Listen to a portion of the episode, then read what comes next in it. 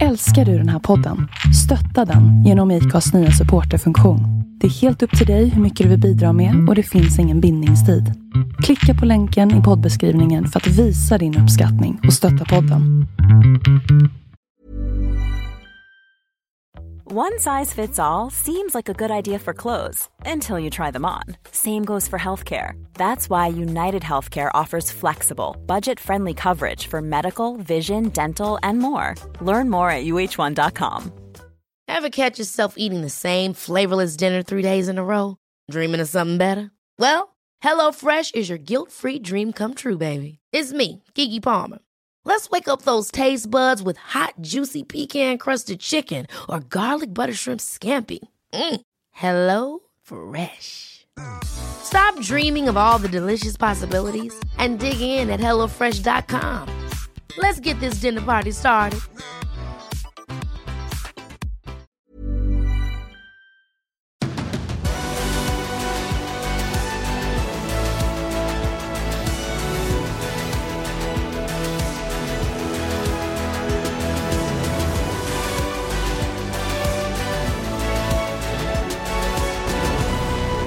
Hej och välkommen till MotoGP-podden. Den här gången ifrån eh, Austin, Texas och eh, vi sitter alltså i hotellobbyn här och laddar inför eh, racehelg. Andreas, hur är läget?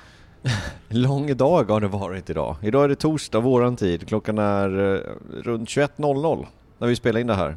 Ja. Och, Och det, det betyder- är svensk, det är svensk tid 04.00 så att förhoppningsvis så kommer den här podden att släppas lagom till eh, morgonkaffet då, fredag morgon. Mm. Och eh, vad är din känsla så långt inför den här racehelgen då? Det är varmt på dagarna.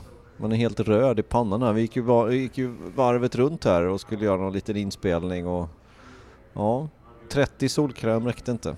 Uppenbarligen. Skulle- Skulle kanske haft något ytterligare solskydd, keps eller hatt eller något liknande? Ja, exakt. Men du, eh, det är eh, fjärde racehelgen som står för dörren men vi måste ju inleda med att snacka om eh, det som har eh, hänt innan och eh, programpunkterna den här aftonen då kommer att handla om eh, startnummer 100 eller startnummer 41 för det är podd 141. Passande va? Det är jättepassande, riktigt lyckat. För en gångs skull så tajmar det. Eh, plus och minus från Argentina kommer vi hinna med och eh, dessutom eh, kortare nyhetssvep och sen så måste vi blicka framåt mot den här racehelgen. Ja. Är detta en av de bättre miljöerna vi har suttit i?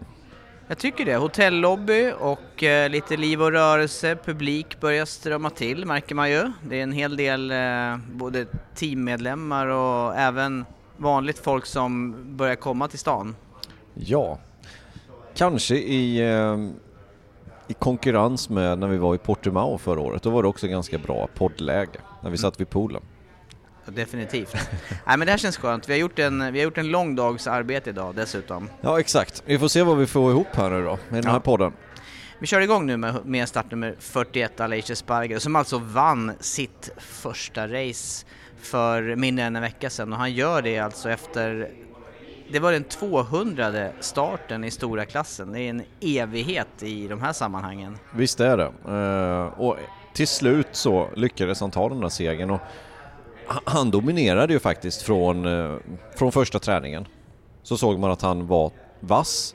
Men problemet är att vi har sett det så många gånger förr, eller några gånger förr åtminstone, att han har varit vass men inte riktigt nått dit sen när det väl gäller. När det gäller kval, när det gäller FP4 och leverera bra varvtider. Eh, och sen till racet när han har droppat lite. Men det gjorde han inte den här gången utan han, han pallade trycket. Jag eh, vill minnas att jag faktiskt hade honom med på vår tippning här från förra podden att han åtminstone skulle kunna nå en pallplats men det räckte alltså hela vägen upp den här gången. Det var bra gissat. Jag, jag, jag var ju helt offside när det gäller gissningen förra veckan. Alltså. Men hur lätt är det då? Nej, inte alls. Nio, nio förare på pallen de tre första racehelgerna. Det är nästan så att eh, de förare vi har träffat och pratat med under dagen, eh, de är ju, ställer sig lika frågande till den här inledningen på säsongen. Ja, Men nu, vi ska tillbaka till startnummer 41 då, Aleix Espargaro som är den äldre utav två bröder Espargaro i MotoGP. Den yngre Paul Espargaro eh, och sen då Aleix Sparger som har åkt med startnummer 41 så länge jag kan minnas i alla fall. Ja, lång, lång tid är det. Eh, tar vi lite eh, från hans karriär då, som vi brukar börja, lite statistik, så kör han ju först då spanska mästerskapen i 125, 03 och 04. Det känns ju som en evighet sen, men eh, det gjorde han i vilket fall som helst. Blev spansk mästare där 2004 och sen dess har han ju kört i GP-sammanhang. Alltså från säsongen 2005 då Eh, och, och, framåt helt enkelt. Och hans bästa resultat i mästerskapet är alltså en sjunde plats Eh, och, och, det kom alltså 2014 på den här Forward Yamahan. Eh, den säsongen, om inte jag missminner mig, så var han teamkompis med Colin Edwards. Och om ni eh, håller ut lite i den här podden så kanske ni får höra ett och annat ord från Colin Edwards i den här MotoGP-podden. Ja, det är alltid lika frispråkig och intressant att snacka med Colin. Men du, eh, lång tid i, eh, i GP-sammanhang pratar du om här, men hur är hans väg framåt då till, eh, till stora klassen? Ja, de flesta som tar klivet uppåt hela tiden brukar ju vara ja, topp 3, topp 5. Eh, några ifrån 125 eller motor 3 br brukar ju hoppa upp till motor 2 när de har varit där för länge, även fast de inte har presterat några resultat. Eh, och, och, lite så har det ju varit med Aleix Sparger och det har ju gått väldigt snabbt för hans del att ta sig vidare även fast han inte har levererat några resultat. Som, som 125 blev det bara en och en halv säsong egentligen. Sen upp i 250 var där ett par säsonger och sen direkt upp till MotoGP. Och levererade inte där heller i inledningen av sin karriär. Fick gå tillbaka och, och köra... Mm, skulle kört i 250 men, men hängde kvar där av eh, olika anledningar i, i MotoGP-klassen och sen har han blivit klar, kvar där, alltså från, ja, från 2012. Eh, de här, den här förmågan att hänga sig kvar och, och, faktiskt motivera sig genom alla år, det måste ju sticka ut. Alltså, vi har ju båda tävlat och vet ju hur mycket det krävs för att vara i alla fall på, jag menar det här är ju toppen av toppen som han nu har ja, kommit till. Visst, Nej, det, det krävs jättemycket att uh, att göra den resan som han har gjort och, och dessutom då efter hans Suzuki-år där, när han fick sparken från Suzuki, som, de ville inte ha kvar honom helt enkelt efter säsongen 2016. Eh, de ville ha kvar Vinales. Eh, Vinales och Aleix Sparger var ju teamkompisar där 2016 i Suzuki och, och, och den enda de ville ha kvar det var Vinales. Eh, Sparger och fick stryka på foten och den säsongen hade han lite oflyt att han hade just Vinales som teamkompis för Vinales var ju riktigt, riktigt vass då den säsongen. Och, och Alicia Sparger kunde inte mäta sig egentligen med honom under det året och Vinales tog första segern för Suzuki på hur många år som helst då på Silverstone 2016. Uh, och sen fick han lämna och då kanske det var perfekt för hans del att det här projektet dök upp. Ja, både, både det att projektet dök upp men också eh, det, det, visar ju någonting om Malaysia Spargos vilja och förmåga faktiskt att ta sig an ett sådant projekt från då fabriksstyrning och sen så på något vis ner i botten får man ju nästan säga utav eh, rankingen på motorcyklar. Ja, det, var det ju absolut. Eh, och nu gör han alltså sin sjätte säsong här i Aprilia och första året nu då med ett rent fabriksteam även fast det har nästan varit det, men, men nu driver de ju det helt i egen regi då, Aprilia. Och ehm, ja, nu, nu börjar de bli vassa på riktigt. Hur tycker du att han eh, kan karaktäriseras som förare annars? Det är det som har varit så svårt med honom, för han har inte haft en teamkompis som man kan jämföra honom med, utan han har, man har fått gå mycket på det året i Suzuki 2016 när Vinales sopade mattan med honom. Och, och eh, då har man, all, då, då har man ju sett honom som en, inte en absolut toppförare. Men han själv har ju sett sig själv som en toppförare. Eh, och, och varit lite sned på de som inte har gjort det. Och, och, därför har han ju också velat ha en riktigt stark teamkompis ända sedan Suzuki-åren egentligen hos Aprilia, men har inte riktigt fått det. Han fick Janone men det var lite in och ut för hans del och sen åkte han ut helt och hållet och nu har han ju då Vinales istället. Och jag, jag, tror att det är bra för honom för att han är ju verkligen nummer ett just nu. Vinales har inte tagit sig överhuvudtaget än så länge. Även fast han gjorde ett hyfsat resultat då i helgen.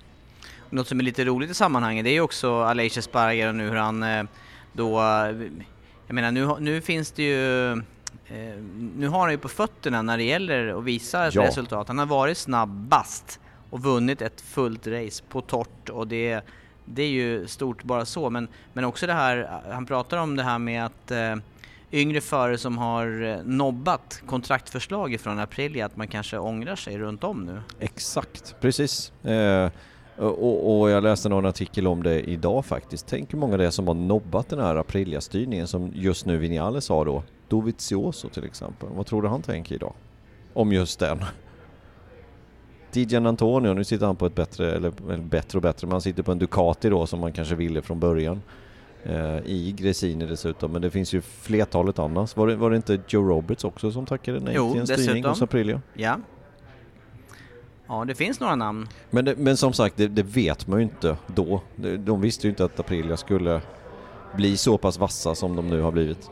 Men ihop med det här så måste man ju även kunna passa på, jag tycker vi kan passa på att också säga någonting om reglementet som har möjliggjort det här för att det är helt klart så att, eh, att eh, det tekniska reglementet just nu tillåter den här utvecklingen för fabrikat som inte har resultat.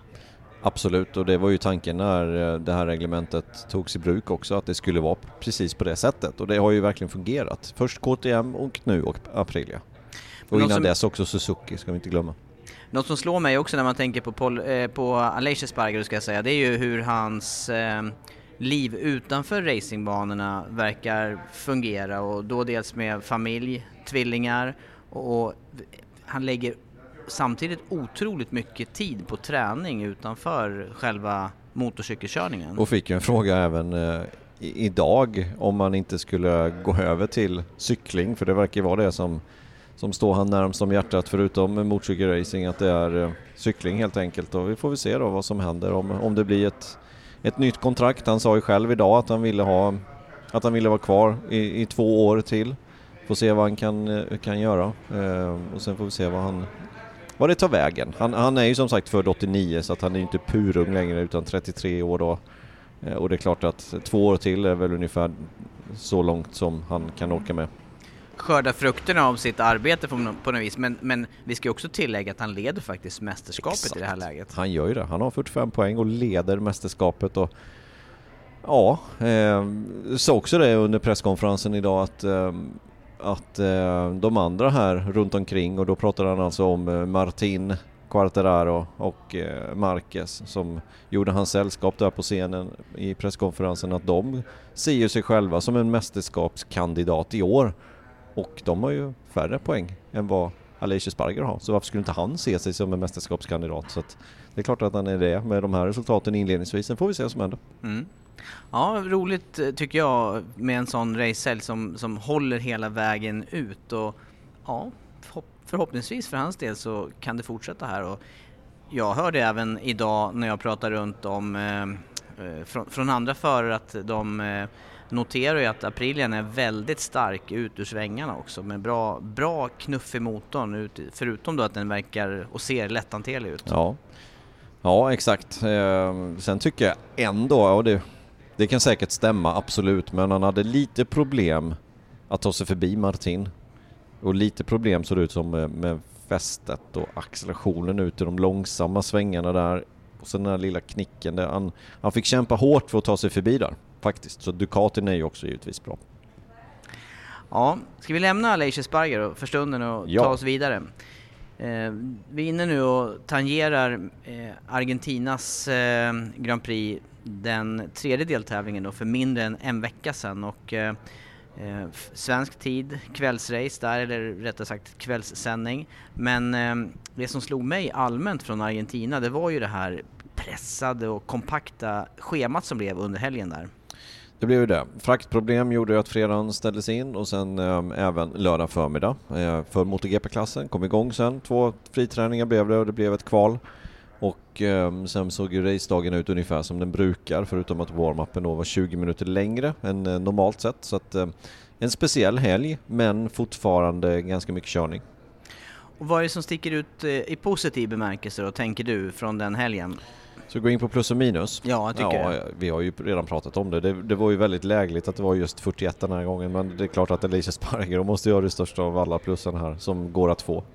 Blev han hjälpt? Blev Aprilia hjälpta av det här kortare komprimerade schemat där? För vi var inne på det här lite grann redan, jag vet det under vår uppvärmning där att eh, eh ja, för, för, för Alicia Sparger så hade ju säkert racet kunnat gå av stapeln utan uppvärmning till och med.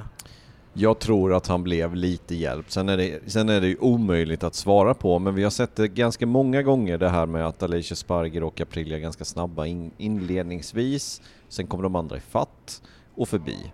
Eh, så blev det inte denna gången och om det skulle blivit så, det, det går inte att svara på, det vet vi inte. Eh, men de hade bra fart från början och de andra fick kämpa hårt. Det man såg på de andra hojarna är ju att de var inte perfekta. Och hade de fått en kväll till, analyserat datan under en natt till och sen nya inställningar till dag tre då som inte existerade så hade de varit närmre, det tror jag. För, för det, de andra hade ja, mer problem helt enkelt. Det såg man framförallt då i kurva 11, vänsterkurvan. Den såg inte bra ut för någon egentligen, förutom Alicia Sparger och Martin fick till det, Banjaya fick till det på sitt snabbaste varv, men det var ändå inte klockrent. Nej, intressant eh, utveckling på den helgen och det vi pratar om nu det är ju alltså eh, plus för Aleix Sparger och för min del så hamnar han ju också på plus, inte bara för att han vann racet utan för att han stod emot, eller rättare sagt eh, pallade trycket här. För det kändes redan omgående den helgen som att han, eh, han fick ett favoritskap på sig. Ja, ja, men han var ju snabb inledningsvis. Och, och sen just, det var ju ett jätteroligt race att kommentera tycker jag. Ehm, för att vi var inne på det, han, han, kände på det två gånger in i eh, kurva 6, 5? 5. 5 efter långraken.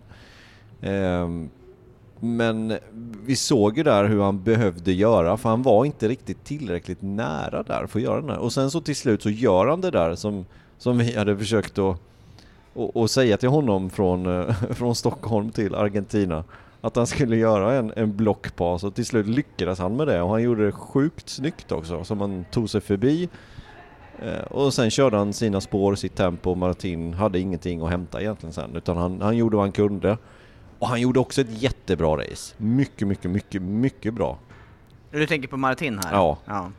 Eh, så att det var verkligen två två förare som körde sjukt snyggt tycker jag. Ja, jag, jag tror du nämnde det också under sändningen att han satte ju knappt ett hjulfel. Han, han plockade ut det som gick ur Ducatin där, Martin. Ja, det gjorde han. Och, och ehm. så var just Aleix Sparger lite, lite starkare. Men Martin får ett plus från mig alltså. Ja. För, för det, det, det, var mogen körning. Han startade i eh, första startled, gjorde en jättebra start.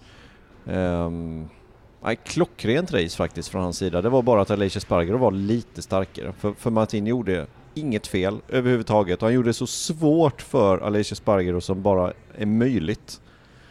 Det räckte inte, men eh, det visar också vilken talang han är, Martin. Som han kommer verkligen bli, ja, ett hot framöver om han inte redan är det i år. Nu fick han 20 poäng, nu ligger han bara 25 poäng efter mästerskapet med 2 0 Ja. Men du, jag tänker på det på plussidan där, för det är absolut eh, ett, ett, riktigt lyckat race utav Martin. Men det är också lyckat totalt sett för Aprilia, för Vinales gör i samma eh, veva sitt bästa raceresultat och inte, inte så långt bakom. Nej. Inte så långt bakom som han har varit tidigare under säsongen. Under sju sek. Eh, under sju sekunder alltså före Vinales i mål till sin teamkompis då. Det, sen, sen svider det säkert lite grann för Vinales ändå. Han skulle komma in som första förare hade han tänkt att stjärna i det där teamet och så har det inte riktigt blivit än så länge men det går ju på rätt håll åtminstone. Eh, det var ju 20 sekunder någonting som skilde i Qatar och nu var det 7 och en fin eh, femteplats blev det då för, det blev femte, för Vinales. Ja. Ehm, trodde ändå att han skulle kunna vara lite närmare pallen men, eh, men det räckte inte men det är ändå ett lyft. Mm. Du, några andra positiva förare eller fabrikat ifrån helgen. Ja, något som ja. poppar upp hos mig, jag vet inte om vi tänker på samma här men det är röd färg Ja det är röd färg. Det är, och det är lite konstigt att säga för eh, visst, Banjaya blev femma, inte Vinales. Vinales blev lite längre bak. blev han sjua då istället? Ja, han kan ha blivit sjua. Sjua kan han ha Vi blivit. får skylla på att vi är, vi är fullmatade, fu, fullmatade med värme och snudd på solsting idag. Det här är, går från minusgrader och snöfall till... Ja. Eh, Nu börjar det bli lite rörigt här i lobbyn också. Men eh, nej, Banjaya blev femma. Men jag vill ändå ge honom ett plus och det kan ju vara lite konstigt för han har ju ändå titel, han, han är ändå en utav titelaspiranterna till den här säsongen. Ehm, men eh, en femteplats borde kanske inte generera i det, men han startade ju hur långt bak som helst, tog sig inte vidare till Q2 och um, gör en fin uppkörning helt enkelt. Och jämför man med många andra Ducati-förare så, så gör han ju bäst ifrån sig, ja, förutom Martin då såklart. Men vad jag tänker på också kring, eh, det, det såg så otroligt mörkt ut ett tag under helgen där, eh, runt kvalet där och han satt och pratade med eh, Jack Miller och fick, kändes som pers personlig coachning. Och när vi tittade också på just Banayas Ducati, hur den betedde sig genom kurva 11 så såg det ut som att han skulle inte kunna göra någonting mer fartmässigt. Nej, nej, då såg det tufft ut. Sen fick han ändå till ett varv i Q1 eh, och det blev betydligt bättre. Men ehm, ja, eh, jag funderar på det där med Miller också. Miller och Banjaya där. Det, det där kan ju vara positivt men det kan också vara negativt alltså för det jag läste någon, eller jag hörde någon intervju sen med Banjaya där han, han pratade ner det där egentligen för att en förare sådär som får publikt sett coachning av en annan förare, det svider lite i egot. Och inte och det är så något lite som, heller. Nej, och det är något som är stort hos de flesta utav de här förarna. Exakt. Ehm, så frågan är om man verkligen tog emot det där med öppen hand eller om man i efterhand är lite sned på det. Jag, jag vet inte. Samma sak från Mille, gjorde han det för att vara... Jag tror ändå att han hade goda intentioner Mille, det känns så. Ho- just honom så känns det som att han hade det. Men jag vet inte hur det togs emot egentligen. Nej, och inte med, nej, med tank, men jag, jag, jag får också känslan av runt Miller att det här känns ärligt. Det känns som en ärlig förare och som på något vis kör med öppna kort i de där lägena. Ja, och, och sen ska vi komma ihåg Miller också har en framtid att köra för. Och kanske också, som det ser ut nu åtminstone, även fast ja, Banjaya har inte överdrivit många poäng. Men han har ju ändå kontrakt. Han, Miller förstår nog att han hänger på den sköra tråden. Och kan han då erbjuda någonting annat också, det vill säga vara en god teamkompis, teamkamrat, och hjälpa teamet framåt så, så tror jag det ses som positivt från Ducati. Och det kanske Miller har förstått att behöver ha en annan strategi också. Men så du- tänker jag runt hela det där. Ja, det kan absolut vara så. Men, men för mig leder det också in mig på tankarna kring, eh, för vi brukar sätta några minus också på en racehelg och samtidigt här nu, Miller som såg ut att vara den föraren hos Fabriks Ducati med starkast eh, kort efter lördagen, han eh, slutade ju ingenstans. Han, eh, han hamnade 14 tror jag till slut. Katastrofhelg för Millers del. Eh, och så betydligt vassare ut än vad Banjaya gjorde under träningarna, men fick inte till det på racet. Eh, och och sådana här racehelger, det har man inte råd med som fabriksförare. Det, det går inte. Det går inte. Han, han måste verkligen studsa tillbaka ordentligt. För det man måste tänka på också, det, och det är ju det här med att eh, har man den här typen av resultat som Miller har, då eh, med en 14 plats, då måste man ju varva det med riktiga toppresultat. Segrar, andra platser där det, där det blir någon skillnad poängmässigt, men så långt har det ju inte det gått för hans del. Nej. Nej, det har det inte gjort. Eh, han har haft en eh, tuff säsong, Miller. Ehm, jag håller med dig där. Det, det blev ett minus för, för hans del från eh, Argentina. Någon annan på minussidan då, Andreas, eh, från Argentinas GP? Jag tänker lite åt Yamaha-hållet här som Ja. eh, inte lyckades så bra. Nej, det gjorde de inte. Eh, Quattararo har det mm, tufft. Ehm, blandar lite bra resultat, lite förvånande resultat i Indonesien till sämre resultat nu återigen då torra förhållanden och han var ingenstans där riktigt i racet. Jag trodde han skulle bli ett hot faktiskt för han, han såg bra ut på träningarna, toppade väl FB1 eller var i täten åtminstone när han kunde ligga och sina, köra sina egna varvtider. Sen blir det race och han, eh, Han lyckas inte, helt enkelt. Nej, och fastnar i- lite grann i trafik, eller hur? Och det är precis det vi har pratat om, att när han inte startar i första startled, som han inte gjorde, han startade i sexa den här gången, när han inte startar i första startled, då blir han uppkäkad och sen så ligger han lite i trafik och sen måste han kämpa och få ingen lucka och så blir han uppkäkad på rakan igen och så håller det på och då blir det en negativ spiral och då kan han inte vara där uppe och ta en pallplats. Så att, tufft utgångsläge. Och ser också lite tufft ut med tanke på att eh, om, man, om man ska få ihop en hel racesäsong så då, han, då, då är ju det alltså, han är väldigt beroende av just de här kvalen. Han är ju det. Eh, nu är det speciella banor vi har varit på och vi får väl se hur det kommer att hur det kommer att bli ehm, när vi kommer till europeiska banor helt enkelt. Där de är ju lite mindre. Ehm, nästan allihopa. Känns det som i alla fall. Ehm, och det kanske går lite bättre där då.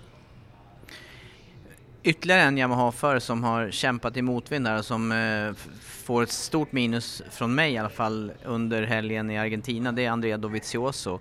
Och han, han gör ju ett eh, klumpigt förarmisstag med den erfarenhet som han ändå har.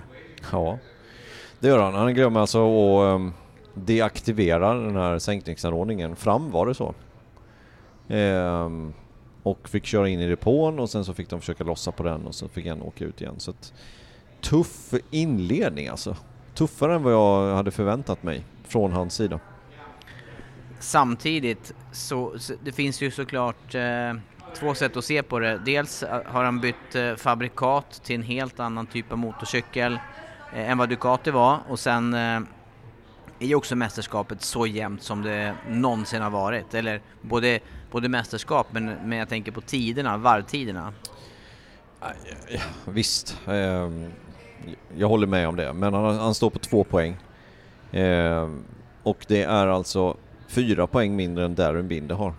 Till exempel. Nu tog ju Darren dem i ett svep där i Indonesien och i det blöta. Men, men i vilket fall som helst så är det en tuff inledning på den här säsongen. Ja. Känns som vi avhandlat eh, Argentina och även eh, Aleix Espargaro med det här, eller hur? Mm. Nu ser vi framåt.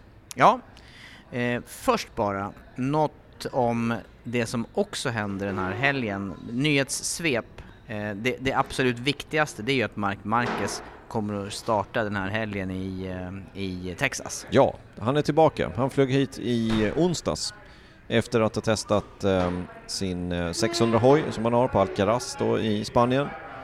Och ehm, synen funkar bra. Vi, vi hörde ju lite ryktet där. Vi var ju faktiskt på, på Colin Edwards Ranch här tidigare i veckan och då fick vi tillfälle att prata med Piero Taramasso på Michelin. Eh, och eh, han nämnde ju där att, att redan till Argentina så var ju Marquez syn helt okej. Men han ville ändå liksom avvakta, köra hoj en gång för att se så att det verkligen fungerar. Eh, vilket det då gjorde och så bestämde han sig för att eh, flyga hit helt enkelt och köra den här racehelgen. Och ehm, ja, det, det, det är ju intressant av många aspekter men, men kanske framförallt för att han har vunnit här alla gånger utom en som han har kört. Så att det är klart att han är en utav favoriterna i helgen. Men vad fick du för känsla kring eh, Mark Marquez då inför helgen här från eh, presskonferensen idag till exempel? Nej men att han, eh, att han är lite nere och, och det är inte alls konstigt. Går vi tillbaka bara några veckor, alltså vi, vi pratade ju om att det här kan ha varit slutet på hans karriär. Jag tror till och med jag bedömde det till 75%. Nu var det inte så allvarligt som, som befarat, utan det var hyfsat bra och det var vi inne på där också att är inte detta så jätteallvarligt och han kan komma tillbaka inom de närmsta veckorna, vilket man då inte trodde. Jag trodde inte det. För, för förra gången tog det tre månader. Marcus trodde inte det heller. Det sa han idag att han, han trodde direkt, okej okay, synproblem, det tar tre månader och då kände han sig väldigt hoppfull Ja, men det, han kände att det var hopplöst, det sa han ju själv idag. Sen blev det bättre och bättre och bättre och, och det är ju bara att tacka och ta emot att det är på det sättet och att han gör nu comeback. Eh, och jag tycker det är otroligt kul att han gör det också. Ja, och, och det är ju inte minst med tanke på det facit han har haft på den här banan sedan tidigare. Och det här, man, man, man kan ju läsa mellan raderna här kring, eh, kring vad, vad hans känsla och förväntningar är inför helgen, men helt klart med tanke på de, eh, den svit segrar han har på banor överhuvudtaget i USA och att det är en bana som går i vänstervarv och allting så finns det ju alla möjligheter att göra ett bra race i alla fall. Ja men det gör det och även fast han känner sig eh, men han, han känner sig nog lite off när han kommer hit nu. Han har missat en racehelg. Senast han körde så slog han sig rejält. Eh, han har haft synproblem, han har varit i, i princip sängliggandes i, i några dagar, kanske upp, mot, upp mot en vecka och inte känt för, ingen motivation och allting. Han han ville bara ligga i soffan och till slut så var det de andra runt omkring honom, teamet runt omkring honom som fick dra upp honom från den där soffan och ut och träna helt enkelt. Och till slut så, så övervinner han liksom hans passion skadorna och, och det, det är ju bara att vara tacksam så länge det är på det sättet. Men det är klart att han känner sig lite liksom nedtryckt i stövlarna, det, det, så är det ju. Eh, men sen är det en lång racehelg, det vet vi. Det, det är FP1, 2, 3, 4. Det kan mycket väl ta sig väldigt bra detta. Han, han kan få en smakstart imorgon, vädret ser ju jättebra ut. Eh, borde inte vara en faktor i det här, kanske lite vind då, det kommer vi in på lite senare. Men, men eh, får man en träning, man får två träningar, man kommer in i det, det är en bana som man verkligen känner sig hemma på. Um, ja, jag, jag räknar inte bort faktiskt att han... Ja, seger, det, det är väl... Det hade ju varit en drömcomeback och får vi se om det räcker till det. Uh, förra året så var han ju överlägsen så att det räcker med att han går ner på några procent så mm. är jag ju där. Jag skulle vilja göra en koppling, kanske en, en, ett långskott här, men eh, en, en drömcomeback. Eh, Danilo Petrucci tänker jag på. Nästa grej här som händer den här helgen, det är ju faktiskt att det är Moto America, det är premiär i deras Superbike-mästerskap och Danilo Petrucci kommer att ställa upp. Han kör eh, Ducati för ett Alltså han är tillbaka på asfalt och det, jag trodde han hade sagt tack och hej och försvunnit ut i öknen på något vis. Ja, så var det inte.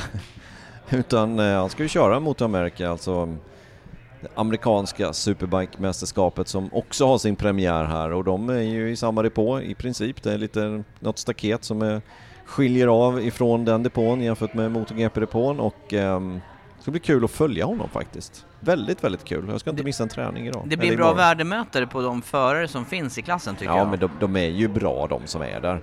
Eh, vi, när vi var här för tre år sedan då var det ju riktigt roligt race med Cameron Boubier till exempel. Han återfinns ju nu i Moto 2 till exempel. Så att det är bra konkurrens på de här banorna, de vet hur man ska köra fort. Eh, och sen den här banan är ju en bana som han känner till väldigt, väldigt väl. Eh, en annan sak när han kommer till Road America och Barber och Road Atlanta och ja. Då, då är det annat. Då är det annat ja. Ja, nej, men intressant i alla fall att följa säsongstarten och, och det är andra Superbike-mästerskap, det, kanske, det, det, det, kanske, det största Superbike-mästerskapet har också premiär i helgen på Europamark, eh, Aragon World Superbike. Mm. Exakt, så är det. Eh, också spännande att följa eh, om eh, Rea kan studsa tillbaka eller om eh, Raskat Lioglu ska ta andra raka titeln. Känns som att det är de två det handlar om, men ja, man vet aldrig förhoppningen för... Eh, jag, jag, jag, skulle tycka det vore eh, roligt att se Raskat Lioglu ta sig an MotoGP. Absolut, ehm, det, det, skulle det. Ehm, och jag, jag, tror... Ju längre tid det tar nu för Quattararo att signa så jag tror att möjligheterna ökar då. Faktiskt. För skulle han försvinna så, så ser jag det som givet att, att Raskat Lioglu kör Yamaha nästa år i fabriksteam eller i, i något team, jag ska inte säga Fabriks, det vet jag inte, men i något team i MotoGP. Mm. Du eh, Andreas, eh, över nu till, eh, till Texas och Austin och Circuit of the Americas. Nu har vi varit här i cirka ett dygn. Vi har hunnit med massor under dagen och vad är vad ska man hålla utkik efter inför den här racehelgen nu? Eh, var ska vi börja? ska vi börja med banan kanske? Vi, vi börjar där.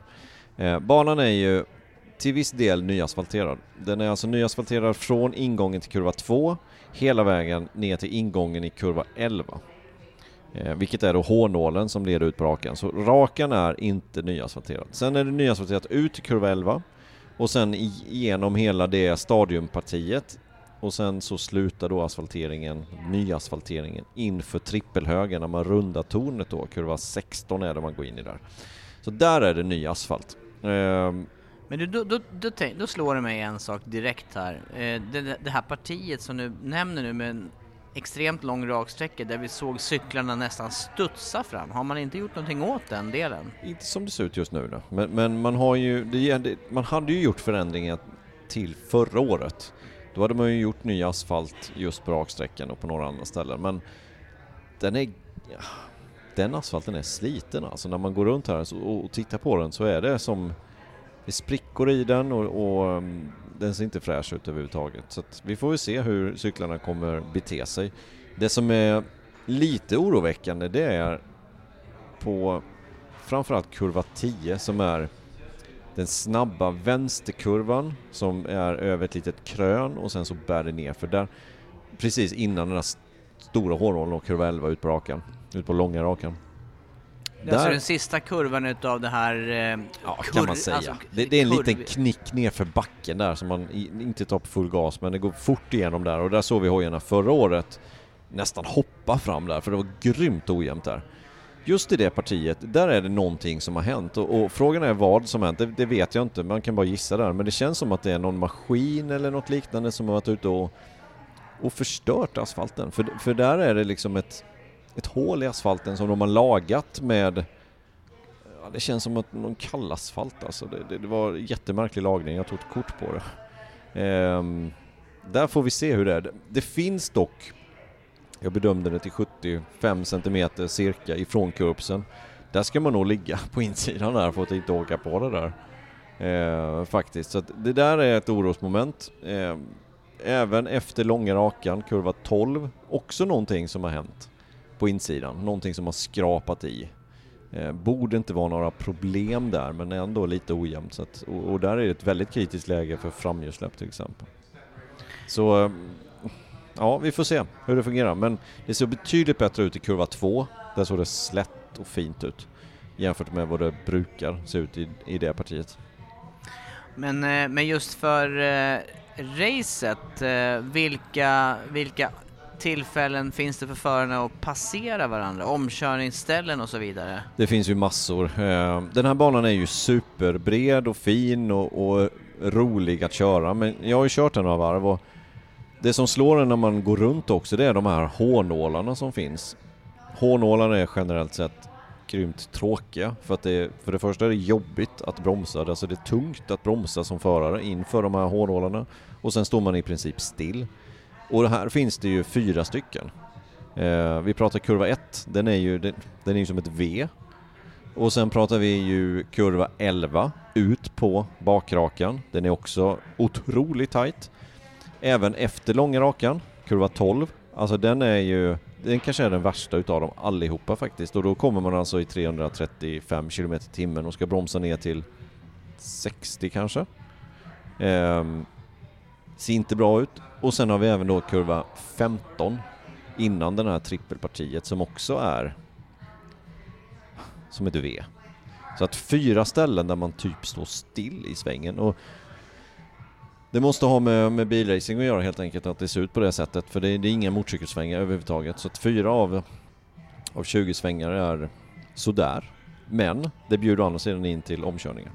Men också en, en bana då som skiljer sig otroligt mycket från den vi såg i Argentina där det, där det sveper fram i princip ja. hela varvet. Ja, ja. Och, och denna har ju jättemycket svepande partier också, givetvis. Eh, och, och um, nej, men det, det, det, är det som slår mig. Tar vi no någonting annat som slog mig idag när vi gick runt banan så, så var det blåsten. Det blåser här och, och det kommer jag ihåg från senast vi var här för tre år sedan också att det blåser rätt mycket på detta stället.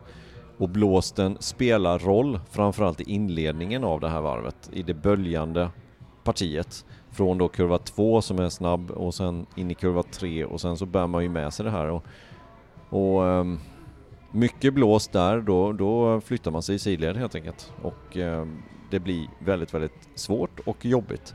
Och det är ju ett otroligt fysiskt parti det här eh, böljande partiet, inledningen på varvet. Eh, blåsten kommer att spela roll om det nu blåser då resterande eh, helgen här. Eh, och dessutom så tar man ju ner farten i de här. Man går ju snabbt in i kurva 3 och så tar man ju ner farten hela tiden. Inte lätt parti. Intressant att du nämner det här med fysiken också, för jag tänker på det, det finns eh, fem rookies i klassen.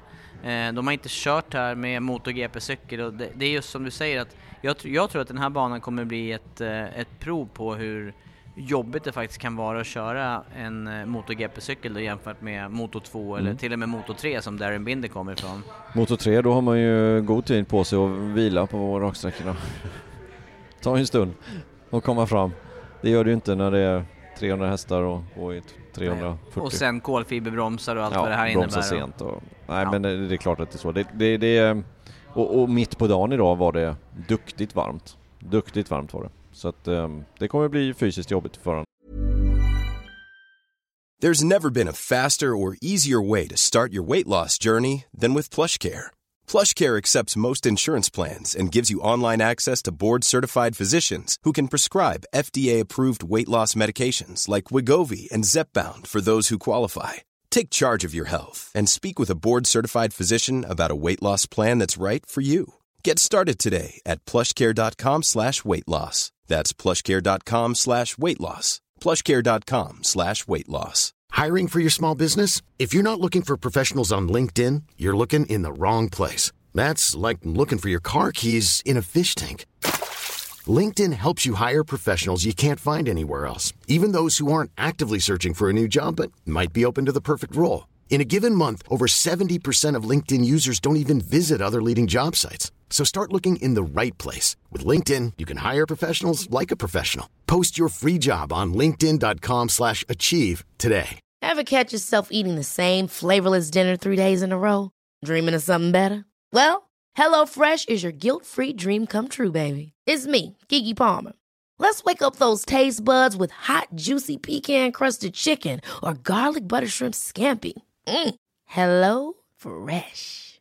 Stop dreaming of all the delicious possibilities and dig in at HelloFresh.com. Let's get this dinner party started.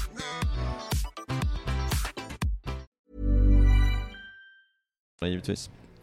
Men du kopplar till det här nu då med banan och förutsättningarna vädermässigt, värme.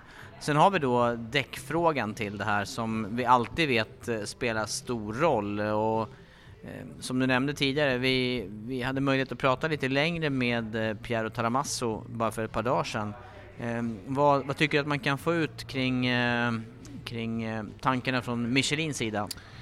Ja, men jag tycker det är det är, ehm, det är bra att de nu går tillbaka till välkänd mark, vilket vi inte haft de senaste två racen och framförallt inte i Indonesien.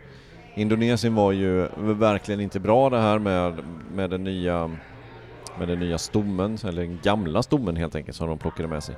Men nu fick vi ju bekräftat här att, att det är exakt likadana däck som man hade här i höstas när man var här och det är inte många racer man var här och körde, för det gjorde man ju i oktober. Så att, så att det är exakt eh, samma gummiblandningar som gäller. Eh, soft, medium, hard.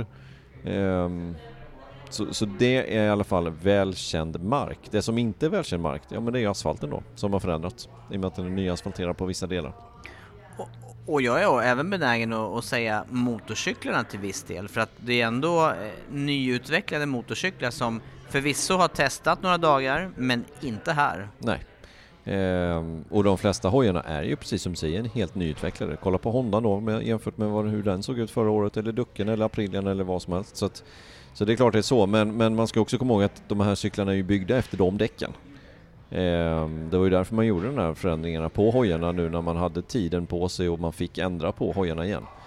Så har man ju byggt hojarna efter de däcken som man då körde på bland annat här då förra året. Så att det borde levererar asfalten bra grepp så borde det bli ganska bra varvtider om man jämför med oktobertiderna. Det, det är också ett mästerskap eh, som fram till den här helgen har sett eh, nio olika förare på pallen. Det är dessutom så att eh, flera av förarna som eh, vi faktiskt hade med som i förhandssnacket inte har nått fram till pallplats. Det gör ju det till en väldigt öppen racehelg återigen. Ja, absolut. Det skulle kunna bli eh, tre förare till som inte har varit på pallen, som kommer på pallen på söndag. Verkligen. Eh, Marcus har inte varit på pallen, Banjai har inte varit på pallen, Mir har inte varit på pallen. Eh, Miller har inte varit på pallen. Bland annat. Finns säkert ett gäng till. Så du vill inte, du vill inte ge dig på en tippning här nej, inför? nej, nej, alltså det, det går ju inte.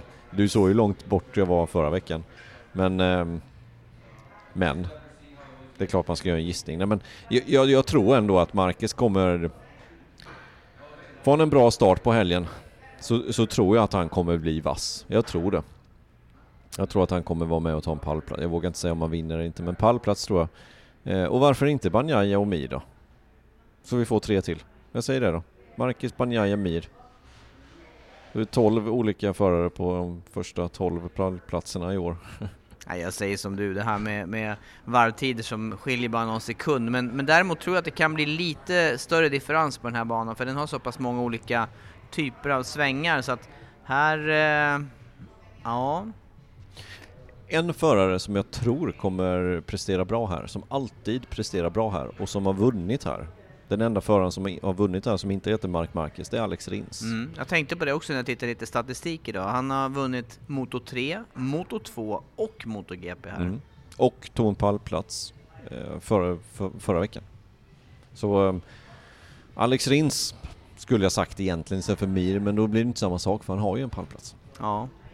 Ja men du är ju, du är i det här fallet experten. Jag kanske lägger ner min tippning här i det här fallet. Nej men det är väldigt svårt. Du, som var bäst. Det, du, du, du var ju närmst förra veckan. Jo det är sant. Med marginal. Ja men, äh, ja då...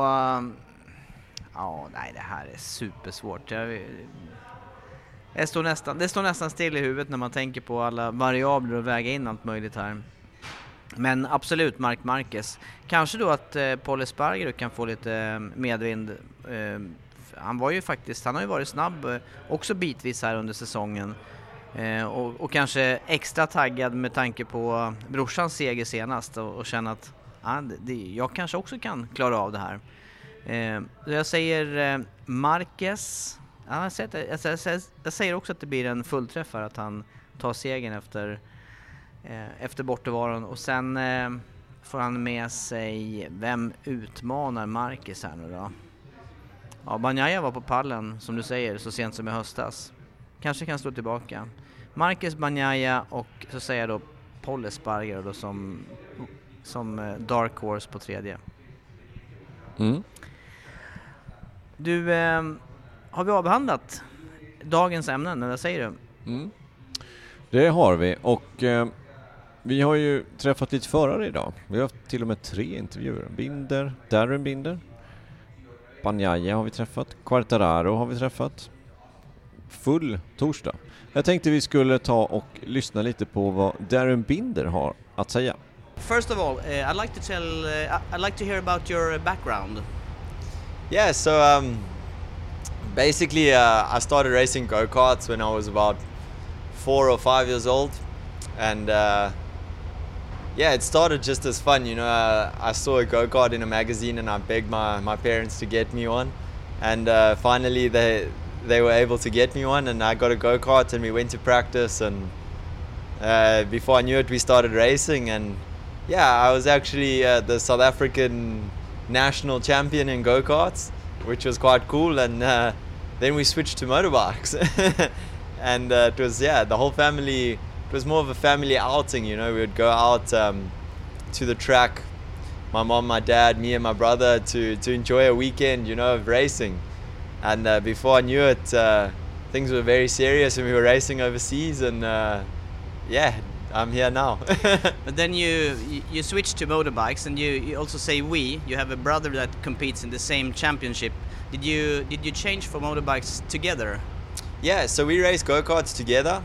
Uh, and then my brother was the first one to switch to the bikes because, uh, like, while we were still racing go karts towards the end of the year, we had already decided that we were going to change, but um, he was old enough and I wasn't.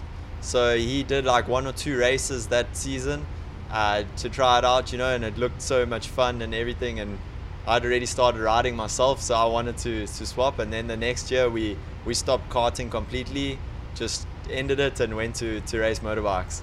And what kind of bikes did you start with? I know you come from South Africa. Is there any national series you can start with easy? Yeah, so we started in, uh, it was called the TZR50 high school class. And uh, I think I was about seven or eight years old when I started racing in that championship. And uh, yeah, I raced in, in uh, South Africa for until 2013 is when I left to, to go to Red Bull Rookies Cup for the first time. All right, and uh, then you then you did it also to Moto 3 after I, I think you did two years in uh, the Red Bull Rookies. Yeah, I did two years in the Red Bull Rookies Cup, and then I went into Moto 3 in 2015. And what about your? Can you describe uh, a bit about your riding style then? Yeah, so I mean, um, I think my riding style's come a long way since I started in 2015. Um, when I got to World Championship, you know, I'd I'd never worked with data and stuff in my life coming from South Africa, so it was a they dropped me in the deep end, should I say? I dropped myself in the deep end. Uh, had a lot to learn, and over the years, I kind of got this uh, riding style that some people call quite aggressive. um, yeah, it's I'm more I'm a fighter. I'm a racer. You know, it doesn't matter where I qualify or how the weekend's been going. When the lights go out on Sunday, I give it my absolute everything to do my best. You know, every man for himself. May the best man win. and uh, do you think um, your size, your uh, height, can play a difference? Uh, like when you rode the Moto 3 bikes? Yeah, I struggled a little bit in Moto 3 with the the weight and the height. Uh, obviously, there's a bike and rider combination for the weight, and I was always over it because I'm a little bit, little bit taller than some of the other guys and a little bit heavier. So yeah, it, it definitely. I felt like sometimes I was at a bit of a speed disadvantage because of my size and my weight, but uh, yeah, you know, it just it is what it is, and I try to make the best of it. But uh, now I'm on a bike where the my size is good and my weight doesn't matter. good then, and uh, the, the road to MotoGP then from Moto3, I know you rode with the Petronas Sprinter Racing. Uh, are there any, uh, what did they see or how did they uh, find your riding style or riding fit to MotoGP? It's a, quite a big jump. Yeah, it's definitely a massive jump and um, yeah, I mean last year the guys in, in the team really believed in me and they felt like uh, I would I would be able to to make the jump and uh, make the the changes. So they gave me this opportunity, and um, yeah, everybody. I mean, you know, thanks to to all the guys that helped me, and even Yamaha for giving me this opportunity. And yeah, my goal right now is to take this opportunity and and try and make the most of it. You know. Can you just describe some of the differences between Moto 3 or riding a Moto GP bike? So the there's quite a few big differences. Number one's the the power. You know, you're going from 60 horsepower to 300, so it's a, a major step in power. Uh, we go from normal brakes to carbon brakes, which are stop incredible. And then the electronics. Moto 3 has no electronics, and uh, the MotoGP bike has a lot of electronics. And uh, physically, do you do you find it demanding the first few races now this season? Hundred percent. I mean, uh, from the end of last okay, end of last year, I got to do my first test, which was uh, quite a, a wake up, you know, and I knew exactly from that moment what I had to do. So obviously I've got my brother as well to compare to, so I know what program he was on. Mine was a bit different in Moto 3 as I was trying to keep my weight down and that. So straight away I picked up a little bit more, a little bit more muscle in that, and uh, trying obviously to keep my fitness as high as possible. But yeah, step by step, race by race, I feel like uh, I'm still improving. You know, still getting to where I need to be uh, physically and that. But yeah, this bike is definitely a lot more demanding, and uh, so far I feel like I'm adapting well, but uh, still room to improve for sure. Can you tell us something about the first uh, three races this season? Yeah, so it's it's been really cool. You know, coming in as a as a Moto 3 rider, making this big step. I think a lot of people didn't really expect expect what's happened so far. So it's kind of been cool to be the underdog. Uh, came into Qatar. I struggled the first weekend, but in the race I managed to make a good step and fight amongst the other guys, almost getting the top rookie, but finishing just just a little bit behind in 16th place, second rookie, and uh, then we went to Mandalika and it rained in the race, and uh, I did a really great race, and I was so happy I managed to finish in the top 10, which was really awesome. And I mean, uh, my main goal has just been to to be in amongst the other rookies. You know, that's been the the main goal, and uh, so far it's it's it's been good. And as a rider, you see things that we don't see on television. Uh, who are your uh, which riders are your main opponents, or which bikes would you like to describe as the hardest to fight against? Yeah, you know, I'm still I'm still learning and still getting to understand exactly who who's the main opponents and uh, which bikes are easier and more difficult to fight against. Uh, my main opponents are the are the rookies You know, that's that's the main goal to be in amongst them to try and fight with them. So they're the main opponents right now, and uh, yeah, from what I've learned in the first couple of rounds, you know, it's I've had some good battles with the KTM guys, the rookies. So I, I feel like our bikes are different, but we we fight similar. So I, I really enjoyed that. Um, and yeah, I mean, step by step, I'm getting to to understand all the other bikes as well. And now uh, this weekend, the Circuit of the Americas. Uh, what is your uh, what is your goal for this weekend now? Yeah, this weekend I'm really looking forward to it. It's going to be interesting to see what this track's like. It's uh, this is known to be a quite a difficult track, both physically and the layout. You know, to get all the points correct. So yeah, really excited to see what it's like on a MotoGP bike. But uh, yeah, my goal remains the same. You know, try and be in amongst other rookies, fighting with them, and hopefully get some points. Uh, I know we have uh, a lot of viewers also wondering about your preparation before you go out on track. You're the only rider using some kind of protection under the helmet. What is it? what is it about? Yeah, so uh, my my hat thing I wear under my helmet is actually a product from Arai. It's uh, they use it in Japan. It's uh, so if you crash and you and you damage something in your neck, they take this hat and they they open it to take the helmet off without pulling your neck. So um, yeah, it's it's basically like a safety thing that they use in Japan, but I use it because I have long hair, and I like to to keep it back and out of my face, and uh, I also really like the way that that feels when you put the helmet on. Ja, visst är det roligt Andreas med eh, nytillskott i klassen och entusiastisk, eh, lättpratad, eh, positiv eh, ung förare. Verkligen. Jag tycker han var väldigt eh, men öppen eh, när vi hade ett samtal med honom och jag tycker nästan det roligaste var när du frågade hur han skulle beskriva sig själv som förare och så sa han som andra beskriver mig så säger de att jag är ganska aggressiv förare och så skrattar han till lite grann och jag tycker det Ja, men han är skön. Jag tycker han är skön. Och, och, eh, jag tycker det är kul att det går bra för honom och jag hoppas att um, han håller sig kvar i MotoGP. Att han, att han kan prestera under den här säsongen så att han får vara kvar. Um, det, det, hade jag tyckt var kul faktiskt. För att um, jag, jag, tror att han har mer att ge. Faktiskt. Han, jag tror han, han har mycket att ge. Ja, han beskriver en viktig egenskap också. Han, han säger det, jag, jag, är en racer.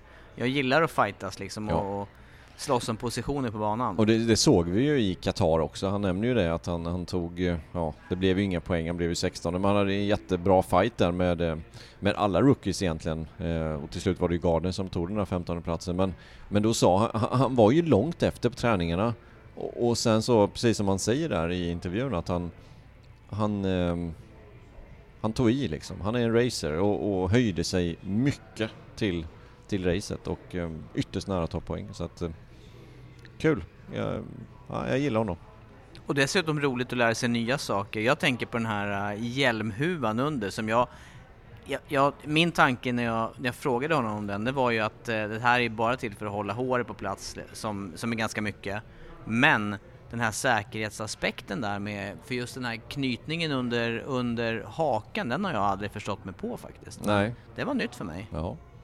Nej, jag inte hört talas om det förut heller, utan det var en ny grej. Men vi började ju med Darren Binder idag och pratade med honom och superentusiastisk precis som du säger där och, och glad och sprallig och, och, rolig helt enkelt. Sen hade vi då Quattararo och Banjaya och, och de verkade mer trötta på det här än, än de Binder. Man märker av pressen på dem. Ja, det gör man. Och även att de har gjort det några år, även fast de inte är superrutinerade båda två i MotoGP-klassen så, så märks det av. Viktig aspekt som förare, hålla kvar entusiasmen. Mm. Det tycker jag man ser, för att nu kasta sig vidare. Vi har ju faktiskt haft en väldigt händelserik eh, vecka, dagar i Texas och, och, även hunnit med att köra lite själva. Colin Edwards och hans eh, Texas Tornado Bootcamp, vad säger du? Ja, det är andra gången vi är där och nu känner man sig mer eh, hemma på hojen där eller på de där hojarna man, man kör. Nej, men det är, ju, det är ju roligt att vara där. Det är ju en speciell miljö givetvis. Och vi körde där i två dagar på de här, ja, vad är det? Det är Yamaha 125 eller vad är det för någonting? Ja, det är 125. TTR 125, ingen fix överhuvudtaget. I princip standard förutom då att man har satt på ett eh, landsvägsdäck bak så att det sladdar lite, lite lättare. Och hur många har han där? 50 stycken? Räcker det? Nej, jag tror inte att det räcker. Jag tror att det är närmare totalt sett om man går igenom alla uthus där så är det ju jag skulle säga att det är närmare 100 än 50. Ja, det är det säkert. Det är säkert. Men han är ju grymt trevlig, Colin givetvis. Vi hade ju mm, två riktigt bra dagar där. Och frispråkig och eh, jag hoppas att ni eh, håller till godo och eh, njuter lite grann av det han har att säga kring eh, sin karriär. Yeah, we're sitting here with uh, Colin Edwards uh, at his ranch the Texas uh, boot camp, Texas, Texas tornado, tornado, tornado boot, camp. Sorry, sorry. and uh, we're really we have had a good time here as uh, as always, and we're interested to know now, Colin, about. We can start with uh, with your career back at Aprilia because the last weekend we saw the MotoGP race won by an Aprilia. It's a long time since they started coming back to the MotoGP to the big class. Yeah, and you know I'm so happy for uh, Aprilia and Alish. You know, I mean, it, it's it's awesome. I mean, honestly, phenomenal job. Um, it takes a it takes all the right chips to fall in the right place to make something like this happen. And you know, they had the delay with the freight and all that stuff. So they, anytime you give more give guys more time on the track, they're going to make the bike better and better and better. Luckily, they pulled their bike out of the crate and it worked good immediately. So that's always a bonus. And I'm not taking anything away. I think that he did a phenomenal job. Um, it's just all the everything has to line up to make it work to win a GP. Anyways, it doesn't matter if you have three days of testing or not. It, it takes everything to fall right to win a GP, and and they did it. It's awesome. And how do you think? Um, how can uh, Aleix keep up the spirit during all these years because he's been racing for so long time. Yeah, I mean he's yeah, the whole family. Obviously, they're dedicated. You know, there's no no problem there. Um, uh, you know, and you think about age, and I think that was his 200th. Yeah, 200 start in the, in the yeah MotoGP, start. start. So, shit, I think I did a 196. I think, and that was a lot. I thought so. Um, but yeah, I mean, hats off to him, and it, it's that's even more motivation to me. Your 200 start, you get your first win. It's like let's go again. You know, yeah. let's restart this thing and kind of. So I don't know. I think you'll be all right. And what about yourself then? You you almost made it to the top of the podium, but uh, which which one uh, which race was the closest really for for you to to I win? Had a, I don't feel like I. I mean, uh, Aston, I should have won. Obviously, I just hit the AstroTurf and crashed in the last corner. Um, Qatar 2004. I, sh- I should have won that race. Uh, Nakano blew a motor in front of me. We all checked up, and Sete kind of got a few seconds out on us. Uh, but I was faster. I should have won that race. Um, and then Donington probably 04 slightly misting rain, and Valentino kept pushing, and I checked up probably too much and finished second behind Valentino. So there's a couple races throughout that I'm like, but even if I add all them together, like maybe I should have won three. Yeah. It's not like I can't honestly sit there and say, well, I could have won ten races. No, I mean I was I was racing Valentino Rossi and you know some fast guys at the time. So if I had all the best ones up, it's like maybe three I could have won. But anyways, it, it doesn't matter. I mean, I, I, I have no regrets. I had a good time. And we were here um, getting some instructions before today's riding, and uh, we were speaking about uh, picking the throttle up immediately after you release the brake. Yep. And um, what what do you say is the differences between the riders now? Because it's very similar. The times are always very similar. Yeah. Um, so we call it coast time. And anytime you have coast time is when you're off gas, off brake, like when you have we have no input into the motorcycle. And we try to basically just overlap everything. Try to just always have some kind of input into the motorcycle. And honestly, I'll tell you a little quick story if you have a second. And and it was Malaysia, I think oh six and Valentina was faster than me, like a second faster than me, testing, testing, testing. And I was pissed because I'm riding my ass off. I'm doing everything I can do. and I overlaid his. I looked at his data, and I was off the brake, on the throttle, and it was like 0.15, you know, 0.12, like oh, a tenth, Yeah. just just a little bit of time there, coast time. And Valentino, I looked at his data, and he was as the brake was almost done, he was thumbing the throttle. So he was overlapping, basically throttle on before all the brake was off. And all that does is create load. It, it pushes the tire down and creates more load.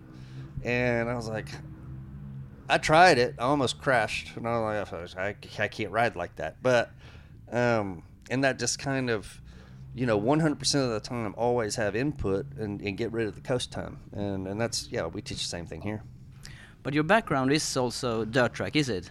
It's not dirt tracks, it's motocross. Yeah. I motocrossed from 3 to 14 and won some national championships. I was factory Yamaha when I was four, 13 or 12, 13, 14. Um, but yeah, I mean, the, the motocross side is obviously over. I, I didn't have the balls to like be a motocross supercross star uh, and and I was burnt out really. Um, I had done it forever and and then two years off, played tennis, chased pussy, you know, did did that kind of stuff, and then uh, and then they found road racing. But then you have this training camp, and and uh, we, we see a lot of uh, GP riders in Europe also have this kind of practice now. Uh, what do you think is what do you, what do you think uh, riders can gain from this?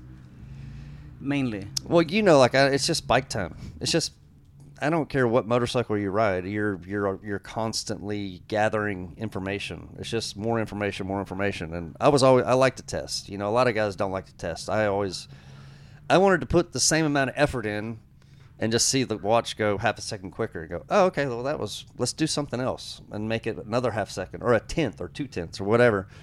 Um, but just bike time. And I, I think this particular thing, I learned from Kenny Roberts, senior. You know, I went out with junior and to their place, and this is all, this is what they did. They had slick tires on the back and just, you know, sliding the bikes around and, okay, well, we can't go to a road race track every day.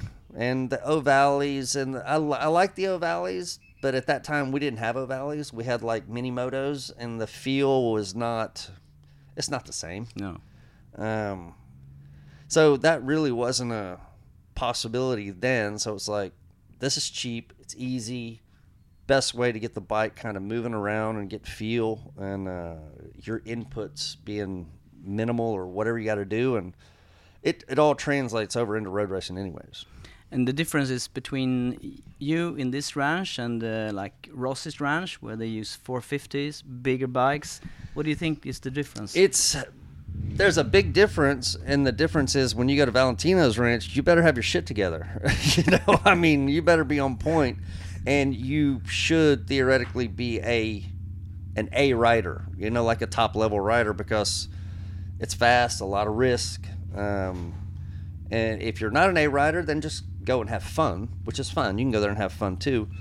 Um, here we have everything from folks that have never ridden a motorcycle in their entire life to pros, you know. So, and it's still fun. I try and explain it like when you go go kart racing with your buddies, you know, in the little go kart track, and you can kind of bump into one another, and it's close racing. It's the same thing here. It's just on two wheels. Yeah. And, and back to, to this year's racing in MotoGP, what do you expect from uh, from the coming races or for the season? We have the next race in a few days in, in Kota. Well, what have we had? Three races and nine different guys on Yeah, the podium. yeah. I mean, that's that's never happened, has it? That's phenomenal. So, I don't know. Honestly, I don't know. I, I've heard that Marquez might be back this weekend. He will he will be back. So if he's back, it's not looking good for everybody because you know how he is here at Coda. Um, I don't know. It's I, I don't have a I don't have a horse that I can pick right now. I mean, obviously, uh, Espargaro and the Aprilia would be amazing if they could run the whole season like this uh, for the factory and for for Alex. Uh, I don't know. It it uh, and Quattraro. Honestly, I thought after the confidence of you know I think I was like okay he's going to keep going, but that's kind of hasn't happened No, yet no. either. So I don't know. I'm more confused now than I've ever been, to be honest. After three races, after three races, you generally kind of know, and everybody always says, "Well, let's get to Europe," and it really starts in Europe, and I, I, that's probably right. We're going to get to Europe, and then somebody will step up. Is this uh, because of the technical regulations, or is it uh, because of the riders I, put up their level? Yeah, I don't know. I read something the other day, and there's I hate to say it on Twitter, but it was, they, they just it was the right comment at the right time, and they were talking about you know Formula One and NASCAR or whatever, and it's like whoever whoever decided MotoGP regulations like right now hit the nail on the head because anybody can win, and I think that's pretty accurate. Yeah. To become a, a motorcycle racer, uh, how did it all started for you? Was it uh, because of your family, you think, or your own uh, uh, interest in, in being a motorcycle rider or racer? it's weird. I'm seeing more now of what I lived through because now I have my son. That all he wants to do is motocross, motor, and he's every day. Um, but it was my dad. My dad was in, you know, Australian and lived in Singapore and motorcycle, motorcycle. mo- That's all he ever rode. And so yeah, I grew up as a one, two year old, three year old. There were just motorcycles around all the time, and you know, I, I kind of fell into that. Uh, and then we got a small bike, started racing, and that was it. You know, I just just was a motorcycle racer from day one, and and and had the passion for it. And I'm seeing it now with my son. It's like okay, it took a while. It took to like 14 when we played baseball, baseball, baseball, and he got burnt out on baseball, and he was like, "I really want to try." Well, come on. I mean, I, I'll do everything I can, make it happen. what do you think about uh, the the risk of being a motorcycle racer? Then, um, do you are you are you nervous when you see your own kids? it's weird. I kind of explain it like this, and stay with me for a minute. And if you're not a motorcycle racer, you live in a different headspace. So you're you live in an area where you take certain risks, or you you might go bungee jumping, or you might skydive, or you might. But that's like a, a fleeting moment of a risk. Um, when you're a motorcycle racer or a Formula One driver, whatever, uh, I try to explain it like this: you get on a plane to go to a race, but you know you might not come back. Right? Yeah. So when you live in that headspace, it's really cool. I mean, I, I liked it when I did because you're on the edge. You're pushing. You're at the you're at the top of the top, and you're you're living your dream, and you're doing what you can do. But that lasts for a little while, and it's maybe a 20 year span that you can live in that headspace. You can't really live in that headspace longer than that. But then once you kind of get out of it, it's like, oh, not that I miss it. I enjoyed it a lot. Um, but I'm glad I made it through, Yeah. if that Yeah, makes any yeah, sense, you know? So, what do you tell your kids about the risks? Do you tell I've, them? I've had this same conversation with, with Hayes, and it's like he's he's not quite in that headspace yet. He's still in this headspace you know, a little bit. And he close he closed the gas a yeah, bit. Yeah, you know, when it all kind of gets it's uh, it's your asshole puckers up a little bit, and you do you do this kind of thing, you know. Um, but to to live in that different space is uh, it's liberating. I don't know how to say, but it, it, it it's more free, and but you just have to accept the consequences that you might not come home. You still look like you enjoy it when you ride around here. Oh yeah, it's fun. It's fun. I mean, I haven't ridden a motorcycle in forever, to be honest with you. I mean, the last time I rode was probably six months ago. So, um, and now Joe here and Mike, and they're like, "Come ride in the woods, come ride in the woods," and I'm like, "Man, I got bikes to put, I got top ends to change, I got sprockets and shit. I got to change." So, I mean, Yeah. it's it's a full time job being a moto dad. So, uh, have you tried the ice sometime? Did you did you go to to we the were supposed to. Yeah? We were supposed to. We were going to go up to Wisconsin and do some big, I like three hour endurance ice race, and the freaking lake didn't freeze over. All right. So that that was like three years ago. It got canceled, and we just never. Man, I hate the cold weather. I mean, my fingertips go white. My dick shrinks up and my toes go white and I can't I can't function. You're welcome to Sweden if you want. If you want to try. maybe I need a heated vest yeah, and maybe, socks and all maybe that so. shit. maybe so. The last uh, thing. Uh, what about uh, the Texas Tornado Boot Camp uh, facility? Uh, you. Uh, how how long does it has it take to create this place for you?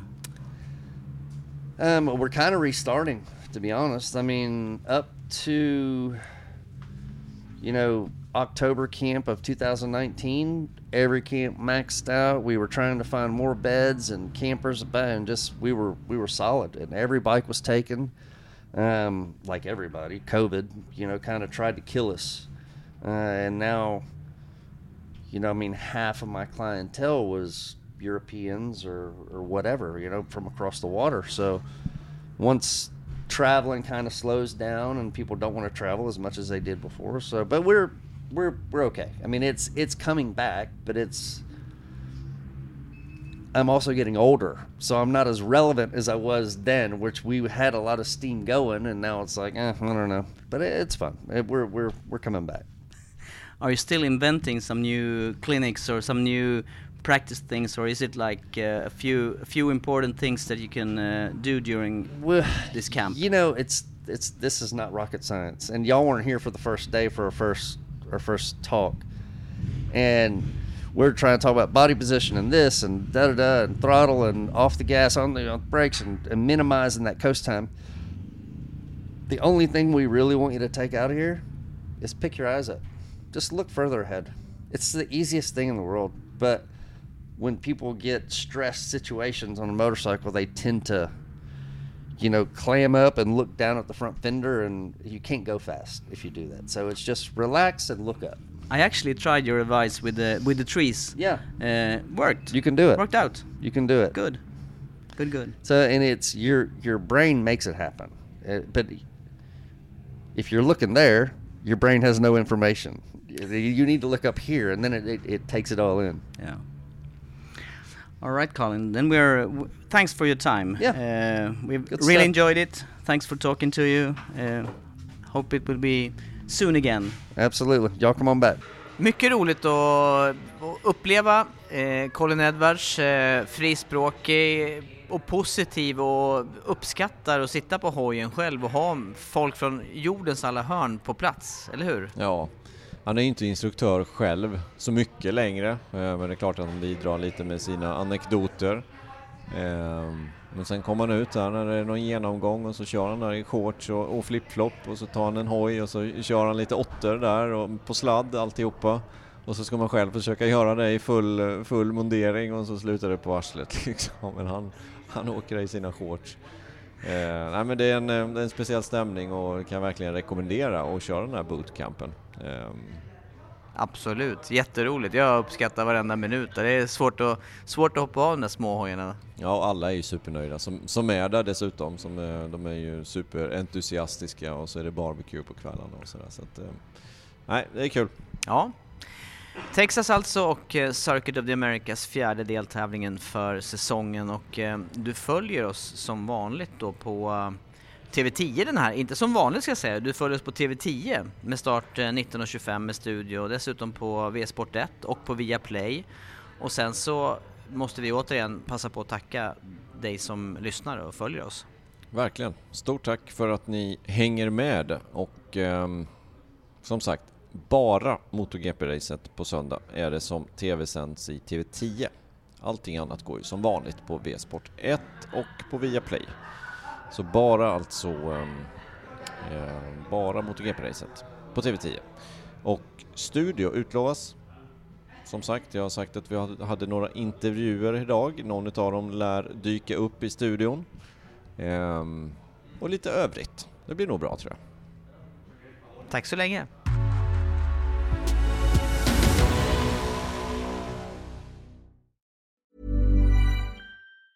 Even on a budget, quality is non-negotiable. That's why Quince is the place to score high-end essentials at 50 to 80% less than similar brands. Get your hands on buttery soft cashmere sweaters from just 60 bucks, Italian leather jackets, and so much more. And the best part about Quince, they exclusively partner with factories committed to safe, ethical, and responsible manufacturing. Elevate your style without the elevated price tag with Quince. Go to quince.com slash upgrade for free shipping and 365-day returns. Ever catch yourself eating the same flavorless dinner three days in a row? Dreaming of something better? Well, HelloFresh is your guilt-free dream come true, baby. It's me, Kiki Palmer. Let's wake up those taste buds with hot, juicy pecan-crusted chicken or garlic butter shrimp scampi. Mm. Hello Fresh.